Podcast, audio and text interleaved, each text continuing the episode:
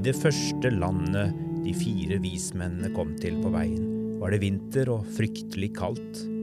I utkanten av en landsby satt det noen barn og frøs. Bålet de satt rundt, var i ferd med å dø ut. Kan dere hjelpe oss med litt ved? spurte barna.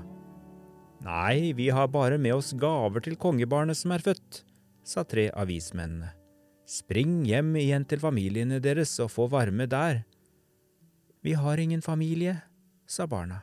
Vi har kommet hit fra et annet land, hvor vi hadde familie, og hvor det alltid pleide å være varmt og godt, men varmen og livet tok slutt i det landet vi kom fra. Nå leter vi etter varmen på nye steder.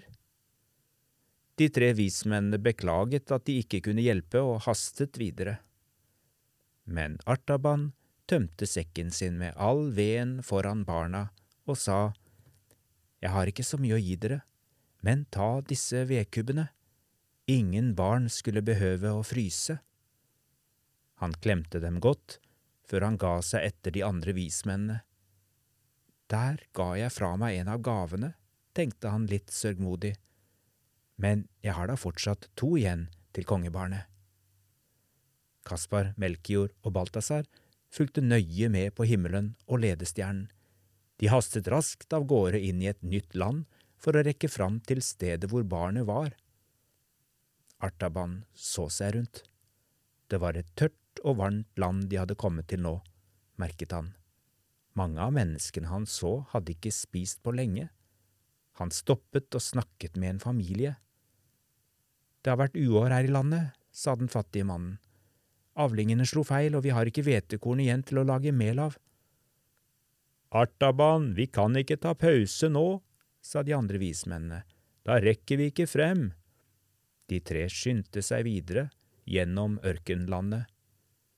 Men Artaban fulgte den fattige familien hjem til huset de bodde i. Han tok den store posen med mel frem fra sekken sin og ga dem.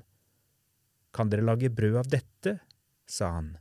Både små og store gikk straks i gang med å bake brød. De inviterte Artaban til å stanse igjen og spise sammen med dem. Den kvelden var den første på lenge at barna gikk skikkelig mette til sengs. Etter at barna var sovnet, gikk Artaban ut og speidet etter de andre vismennene. De hadde reist videre. Nå angret Artaban på at han ikke hadde fulgt bedre med. Hvor var nå den stjernen de andre hadde sagt var så spesiell? For ham så de alle sammen ganske like ut. At han alltid skulle være så glemsom og sent ute. Nå hadde han dessuten gitt fra seg to av gavene til kongebarnet. Han hadde én gave igjen. Da han hentet frem rosebuketten fra sekken, oppdaget han at de andre vismennene hadde fått rett. Rosene var allerede visnet. Han la dem tilbake i sekken sin. Nå har jeg ingen gaver å gi til kongebarnet, sa han til seg selv.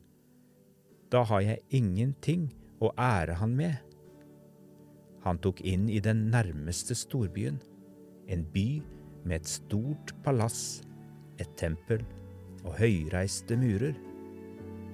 Selv om Artaban ikke visste hvilken stjerne han skulle følge på himmelen, tenkte han på det de andre vismennene hadde sagt, at kongebarnet sikkert bodde i et stort og flott palass.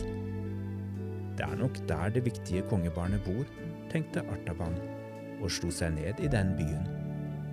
Men til palasset gikk han aldri, for han syntes rosene var for stygge å gi.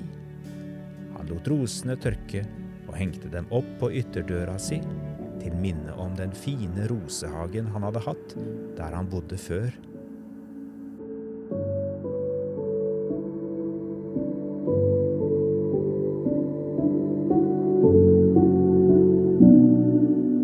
thank